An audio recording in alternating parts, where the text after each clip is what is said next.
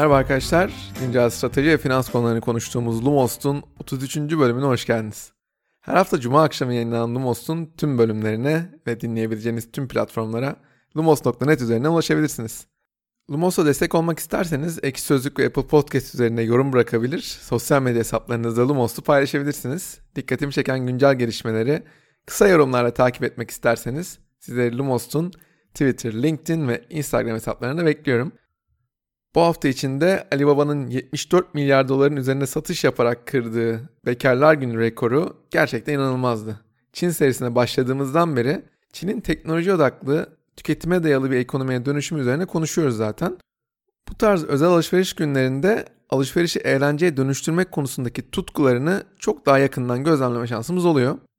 Covid-19 sonrası eve kapandığımız günlerde Instagram üzerinden yapılan canlı yayınlardaki patlamayı hatırlarsınız.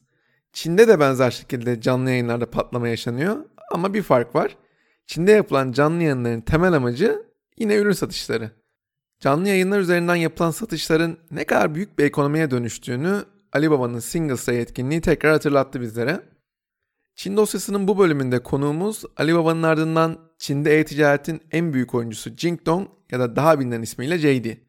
Yabancı yatırımcıların çoğunlukla Ali Baba'ya odaklandığı bir dünyada JD'nin radar altında kalarak çok özel bir yapı inşa ettiğini çok rahat söyleyebiliriz.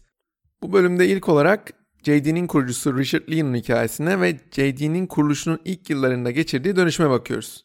İkinci kısımda ise JD'nin Ali Baba gibi dominant bir oyuncunun yanında stratejisini tamamen farklılaştırarak nasıl başarılı olduğunu konuşacağız. Podcast'in son kısmında ise JD'nin faaliyet gösterdiği alanları analiz edip özellikle lojistik sektöründe attığı adımlara bakacağız. Şirketin geleceği adına en büyük risklerin hangi noktalarda olduğunu anlamaya çalışarak bölümü kapatacağız. Hadi başlayalım.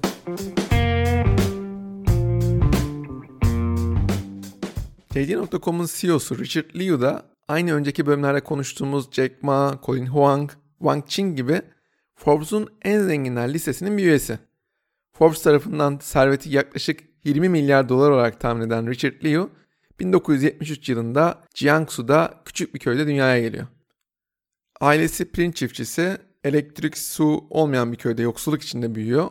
İçinde bulunduğu koşullar çok yetersiz olmasına rağmen girdiği her sınavdan çok iyi sonuçlar almayı başarıyor. 1992 yılında Çin siyasetinde önemli bir yeri olan Renmin Üniversitesi'nde sosyoloji bölümüne kaydoluyor. Ancak üniversite sırasında sadece sosyoloji diplomasının ona iyi bir iş fırsatı yaratamayacağını düşünüyor. Bu arada ailesinin maddi durumunun çok kötü olması sebebiyle tüm eğitim masraflarını da kendisi çalışarak karşılıyor. Okuldan ve çalışmaktan geri kalan zamanını ise bilgisayar programlamayı öğrenerek geçiriyor. Hatırlarsanız 1990'ların başında Deng Xiaoping'in reformları sonrası bilgisayar programcılığı çok revaçta bir alan okuldaki başarısını bilgisayar programcılığında da gösteren Liu, üniversite yıllarında çok yeni projede programcı olarak çalışıyor. Bu işlerden kazandığı paralarla da sadece kendi masraflarını karşılamakla kalmıyor, ailesine bir ev yaptırmayı bile başarıyor. Bilgisayar programcılığının kendisine verdiği girişimci ruhla okula yakın bir restoran açıyor. Bu onun ilk kendi işini kurma deneyimi ancak hem yönetim becerisi eksikliği hem de çalışanlarının onun zaaflarından yararlanması bu ilk iş kurma deneyiminin hüsranla sonuçlanmasına yol açıyor. Bir yıldan kısa sürede iflas ettiği bu ilk iş deneyiminden kendisi çok şey öğrendiğini söylüyor. Üniversite sonrası 1998 yılındayız artık. Pekin'de bir elektronik pazarında küçük bir stand kiralıyor ve JD Multimedia adını verdiği bilgisayar disketleri satmaya başlıyor. Lee'nin bu işteki en önemli prensibi ürünlerinin orijinalliğini ve kalitesini garanti etmek. Şirketin bugün bile merkezinde olan bu yaklaşım Leo'nun problemi ne kadar iyi analiz ettiğinin de bir işareti aslında. Buna ek olarak Leo etrafındaki standların eğilimine karşı çıkıyor ve tüm ürünlerin değerine inanarak pazarlık yapmayı reddediyor. İlk bakışta kaliteden ödün vermeyen, fiyatlarda esnemeyen bu yaklaşımın müşterileri caydırabileceği düşünülür. Ama Leo'nun bu yaklaşımı önce bir perakende mağazasına sonra da Pekin, Şangay ve Shenyang'da 12 perakende mağazasından oluşan bir zincire dönüşüyor. Şu an içinde bulunduğumuz durumlara benzer şekilde SARS 2003 yılında Çin'in her yerine yayılmış. O dönem virüsün daha fazla yayılmasını önlemek için de insanlar evlerine kapanmışlar. Tahmin edebileceğiniz gibi bundan en büyük zararı Liu gibi perakendeciler görmüş. Mağazalarını açık tutmaya yetecek kadar iş olmadığı için 12 lokasyonunu da geçici olarak kapatmak zorunda kalmış. Lee o dönem şartlara uyum sağlayabilmek için ürünlerini internetteki ilan sitelerine koymaya başlıyor. Bu noktada ulaştığı satış rakamları kendisinin kurtuluşu için internetin kilit bir rol oynayabileceğini gösteriyor ona. Salgının sona ermesinin ardından Liu mağazalarını yeniden açsa da ürünlerini online olarak satmaya devam etmesi için tam zamanlı çalışanlar almaya başlıyor. İnternetin işini tekrar büyütebilmesi adına ne kadar etkili olabileceğini bu süreçte yakından görüyor ve 2004 yılında tüm mağazalarını kapatarak şirketi tamamen internete taşıyor. Web sitesini ayağa kaldırırken üniversite yıllarında öğrendiği bilgisayar programlama ona çok yardımcı oluyor. Müşterilerin ne istediğini, neye ihtiyacı olduğunu öğrenmeye geçmişte çok zaman harcamıştı. İlk 4 yıl işletmenin tek müşteri hizmetleri temsilcisi olarak bu misyonunu sürdürüyor. JD internette ilk olarak jdlaser.com ismiyle faaliyet gösteriyor. 2007 yılında 360buy.com ismini kullanmaya başlıyor. 2013 yılında ise 5 milyon dolar ödeyerek JD.com ismini satın alıyor ve bugün bildiğimiz haline dönüşüyor. İşler online'a döndükten sonra JD büyüme trendiyle yatırımcıların da dikkatini çekiyor. 2005 yılında Liu şirketini satmak için 2,5 milyon dolarlık bir teklif alıyor. Ancak kendisinin çok daha büyük planları var. 2007 yılına geldiğimizde elektronik perakendesi işinde hızla büyümeye devam ediyor. Liu bu noktada da gelecek adına oldukça vizyoner davranarak lojistik yatırımları yapmaya başlıyor. Müşteri deneyimini iyileştirmek için depolama tarafında, nakliye tarafında, müşteri hizmetleri tarafında bütün bu başlıkları kendisinin yapması gerektiğini düşünüyor. JD'nin depodan müşterinin kapısına kadar tedarik zincirinin her adımını yönetmesi sadece müşteri deneyimini iyileştirmekle kalmıyor. Aynı zamanda Lean'un büyüdüğü şehirler gibi 3. ve 4. kademe şehirlere erişimini de arttırıyor. JD elektronik ünitesine geçerek perakendenin tüm alanlarına doğru genişledikçe bu yaklaşım ona çok daha fazla avantaj sağlıyor. Bölümün ikinci kısmında JD'nin Alibaba gibi dominant bir oyuncunun yanında stratejisini tamamen farklılaştırarak nasıl ayakta kaldığını konuşuyor olacağız.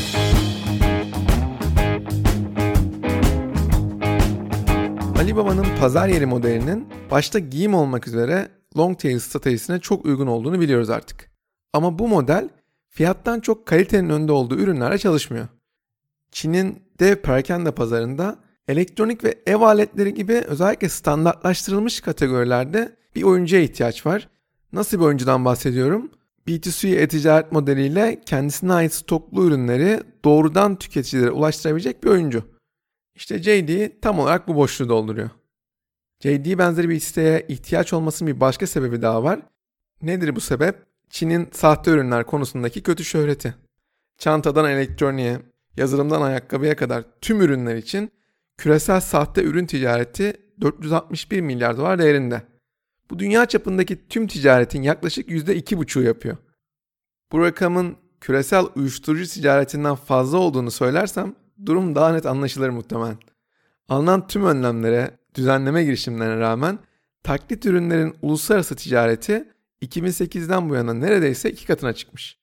Dünyadaki sahte ürünlerin %80'i Çin'den geliyor ve piyasadaki tüketicilerin çoğu da Çin'de. Çin'de sahte ürünler satın alan tüketicilerin birkaç farklı pazar segmenti bulunuyor. İlk segment sahte ürünler satın aldıklarının farkında olmayan alıcılar. Bu segmentin en büyük mağdurları kim? Taobao gibi online pazar yerleri üzerine alışveriş yapan tüketiciler oluyor. İkinci bir segmentte aktif olarak sahte ürünler arayan ve satın alanlar. Lumos'un 27. bölümünden marka prestijinin Çinli tüketiciler için ne kadar önemli olduğunu konuşmuştuk. Marka prestijine değer veren orta sınıf tüketiciler aldatıcı olmayan sahte ürün pazarının büyük bir bölümünü oluşturuyorlar. İşte JD özellikle ilk segmentteki sahte ürün mağdurlarının alışveriş konusundaki ilk alternatifleri durumuna geliyor. Alibaba hem Taobao ile hem de Tmall ile tamamen pazar yeri modeliyle faaliyet gösteriyor. JD ise B2C e-ticaret modeliyle kendisine ait stoklu ürünleri doğrudan tüketicilere ulaştıran bir e-ticaret modeline sahip. Alibaba'nın özellikle e-ticaret tarafındaki hakimiyeti pazarın çok daha fragmente olmasına da yol açıyor aslında. Euromonitor verilerine göre 2019 yılında ilk 20 perakendenin Amerika'daki toplam pazar payları %48. Benzer şekilde ilk 20 perakendenin Çin'deki toplam pazar payı ise sadece %18. Perakende sektörünün hacimden beslendiğini düşündüğümüzde Çin'deki oyuncuların hala gidecek çok yolu var görünüyor. Çin'de son bir yıl içinde ürettiği 92 milyar dolarla JD pazardaki en büyük oyuncu durumunda.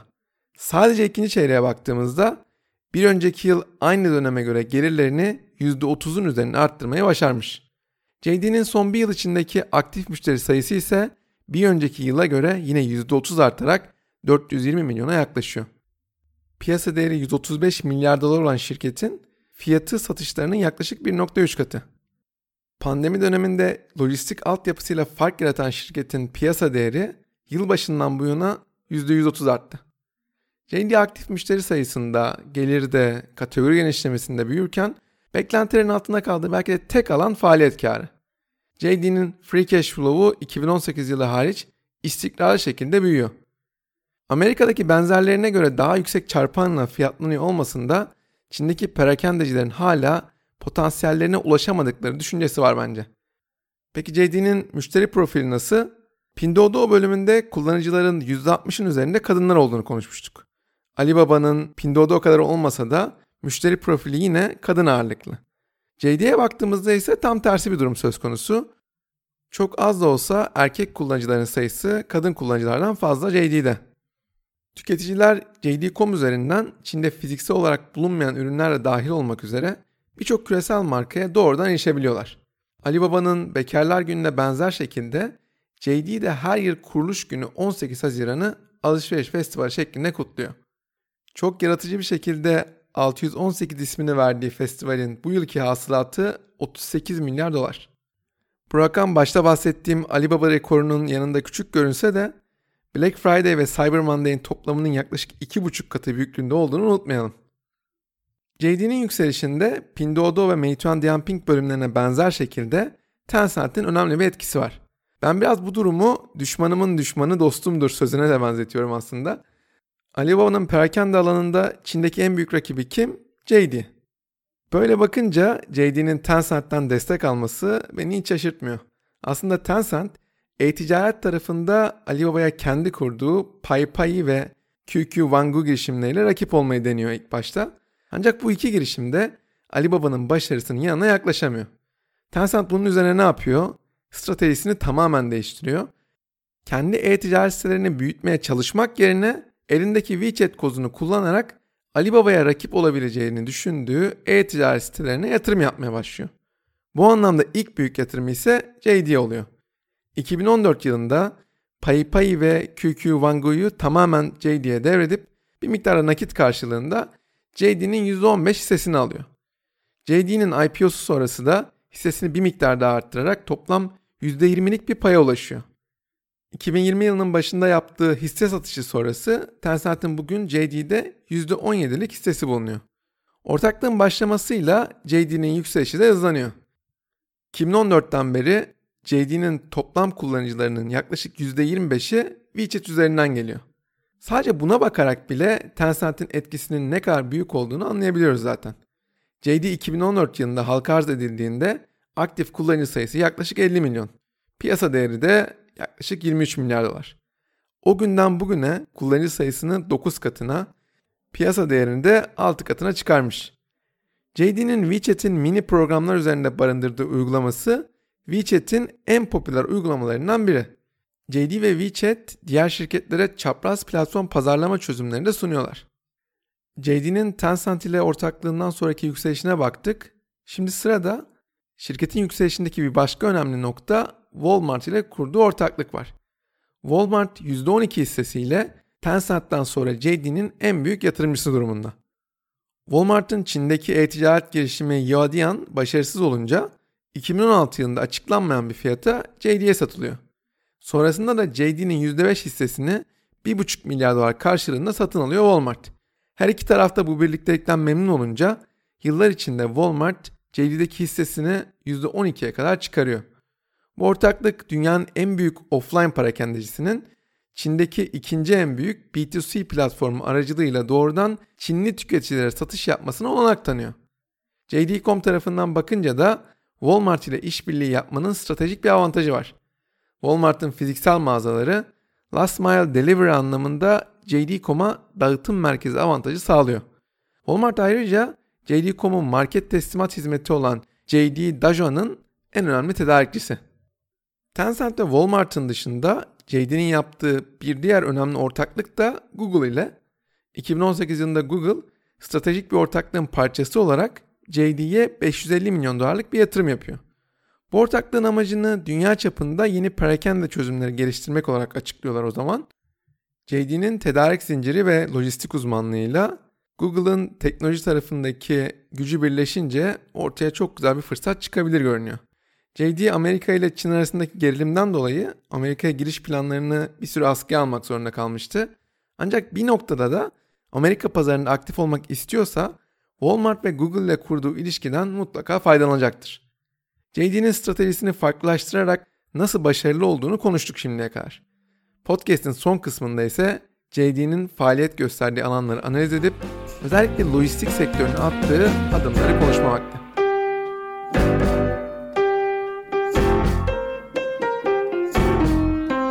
JD'nin faaliyet gösterdiği işleri dört ana başlıkta toplayabiliriz. Parakende tarafında JD Retail var. Dijital teknoloji tarafında JD Digits var. Lojistik tarafında JD Logistics var. Bulut bilişim tarafında da JD Cloud var. Bunların dışında ilaç tarafında JD Health ve taze gıda tarafında da JD Fresh gibi birçok farklı deneme daha yapıyor. JD Digits finans ve reel ekonomi tarafında şirketlerin maliyetlerini düşürmesine yardımcı oluyor, verimliliğini arttırmasını sağlıyor, kullanıcı deneyimini optimize etmeye çalışıyor, iş modellerini geliştirmesine yardımcı oluyor. Peki bunları yaparken alet çantasında hangi aletleri var? Big Data, yapay zeka, nesnelerin interneti, blockchain gibi teknolojiler. Bu şirket JD'nin 400 milyon kullanıcısına, 700'den fazla finans kuruluşuna, 300'den fazla şehre ve çeşitli kamu kurumlarına hizmet veriyor. JD Cloud ise 2019'da iş hacmini %500'ün üzerinde arttırmış, şirketin en hızlı büyüyen kolu. Maliyetleri düşürmek noktasında teknoloji kullanımı JD'nin büyümesinin merkezinde olmaya devam ediyor. Şirketin yakın zamanda tanıttığı yapay zeka hizmetlerinden biri de JD Lightning. Bu ürün yardımıyla satıcılar ürünleri için metin ve görüntü içeriğini otomatik olarak oluşturabiliyorlar. Elinde devasa bir veri kaynağı olduğu için yapay zeka tarafından üretilen içerik normalden çok daha iyi performans gösteriyor. JD tarafından paylaşılan bilgilere göre bu içerikler yaklaşık %7 daha fazla trafik yaratıyor. Ortalama sipariş boyutunu da %25 arttırıyor. JD'nin rekabette fark yarattığı belki de en önemli nokta işin lojistik tarafı demiştik. Rakiplerinden çok daha hızlı ve güvenli teslimat seçeneği sunmasıyla rakiplerinin bir adım önüne geçiyor. Alibaba ve Amazon gibi sektördeki diğer e-ticaret devleri bu yıl salgın sırasında yoğun talebe uyum sağlamakta zorlandılar. Peki JD'nin karnesi nasıldı? En başından beri yatırım yaptığı teknolojik gelişmeler ve altyapı sayesinde siparişlerinin %90'ından fazlasını bir günde teslim etmeyi başardı. Alibaba'nın uzun süre uzak durduğu lojistik işini JD başından beri sahiplenerek teslim sürelerinde çok önemli bir fark yaratabiliyor. Hatta JD Logistics kendi başına o kadar önemli bir başarı hikayesi ki 2017 yılında JD'den spin-off yaparak kendi ayakları üzerine durmaya da başladı. Sadece JD'ye değil, üçüncü parti şirketlere de teslimat ve depolama hizmetlerini açtılar. 2018 yılında Sequoia ve Tencent'in de içinde bulunduğu yatırımcılardan yaklaşık 2,5 milyar dolar yatırım aldı. Şirketin değerlemesi de o dönem 13,5 milyar dolara kadar çıkmıştı. Bugün itibariyle JD Logistics yaklaşık 18 milyon metrekarelik bir toplam brüt taban alanını kapsayan 750'den fazla depo işletiyor. Hem depolama alanı açısından hem de otomasyon ve teknoloji kullanımı açısından Çin'in en büyük oyuncularından biri durumunda. JD Logistics'in Ağustos ayı içerisinde Çin'de hızlı teslimat sektörünün büyük oyuncularından Kaya Express'i 432 milyon dolar karşılığında satın alması da çok önemli bir haber. Kaya son kullanıcıya hizmet vermediği için çok bilinen bir oyuncu olmasa da 50 bin çalışanı var, 13 kiralık kargo uçağı var, 17 bin kamyonu olan çok büyük bir oyuncu. Şirket Çin'de 500 şehirde günde 300 binden fazla sipariş işliyor. JD Logistics'in fiyat olarak da bu satın almayı çok uyguna gerçekleştirdiğini söylemem gerek. 2019 yılı başında Kaye'nin değerlemesinin 3 milyar dolara yaklaştığı konuşuluyordu. Ancak pandemi döneminde yaşadığı nakit akışı problemleri değerlemenin bu seviyelere düşmesine sebep oldu. JD de bu fırsattan istifade ederek oldukça uygun bir fiyata Kaya Express'i satın almış oldu. JD mevcut altyapısından para kazanmanın alternatif yollarını bulma konusunda da beklentileri aşıyor bence. JD Logistics her çeyrek depo kapasitesini büyütürken buna karşılık sipariş oranlarının artışı biraz daha gecikmeli olarak geliyor. Muhtemelen bir süre sonra özellikle lojistik tarafa yaptığı yatırımların pozitif etkisini görüyor olacağız. JD teslimat sürelerini iyileştirmek ve maliyetleri azaltmak için drone kullanarak otonom teslimat yapmak konusunda da açık ara dünyanın en öncü şirketi durumunda. Drone kullanmanın en büyük avantajı saatler süren teslimatları dakikalar içerisinde yapabiliyor olması ki bu da maliyetlerin düşmesine yardımcı oluyor. Bir drone düşünün, hedefine karmaşık yollardan gitmek zorunda kalan bir kargo aracından çok daha hızlı bir şekilde müşteriye ulaşabiliyor.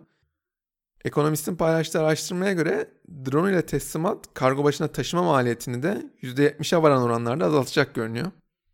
JD'nin lojistik üzerinden fark yaratma stratejisi o kadar başarılı oldu ki rakipleri de lojistik yatırımları yapmak zorunda kaldılar aslında. Lumos'un 30. bölümünden hatırlayacağınız Alibaba'nın Sanyo ile yaptığı lojistik yatırımının belki de görünmeyen sebebi JD. JD daha fazla sipariş aldıkça sipariş başına maliyetleri azaltıyor. Bu maliyet tasarruflarını tüketicilere aktardıkça da daha fazla tüketiciyi kendisine çekiyor.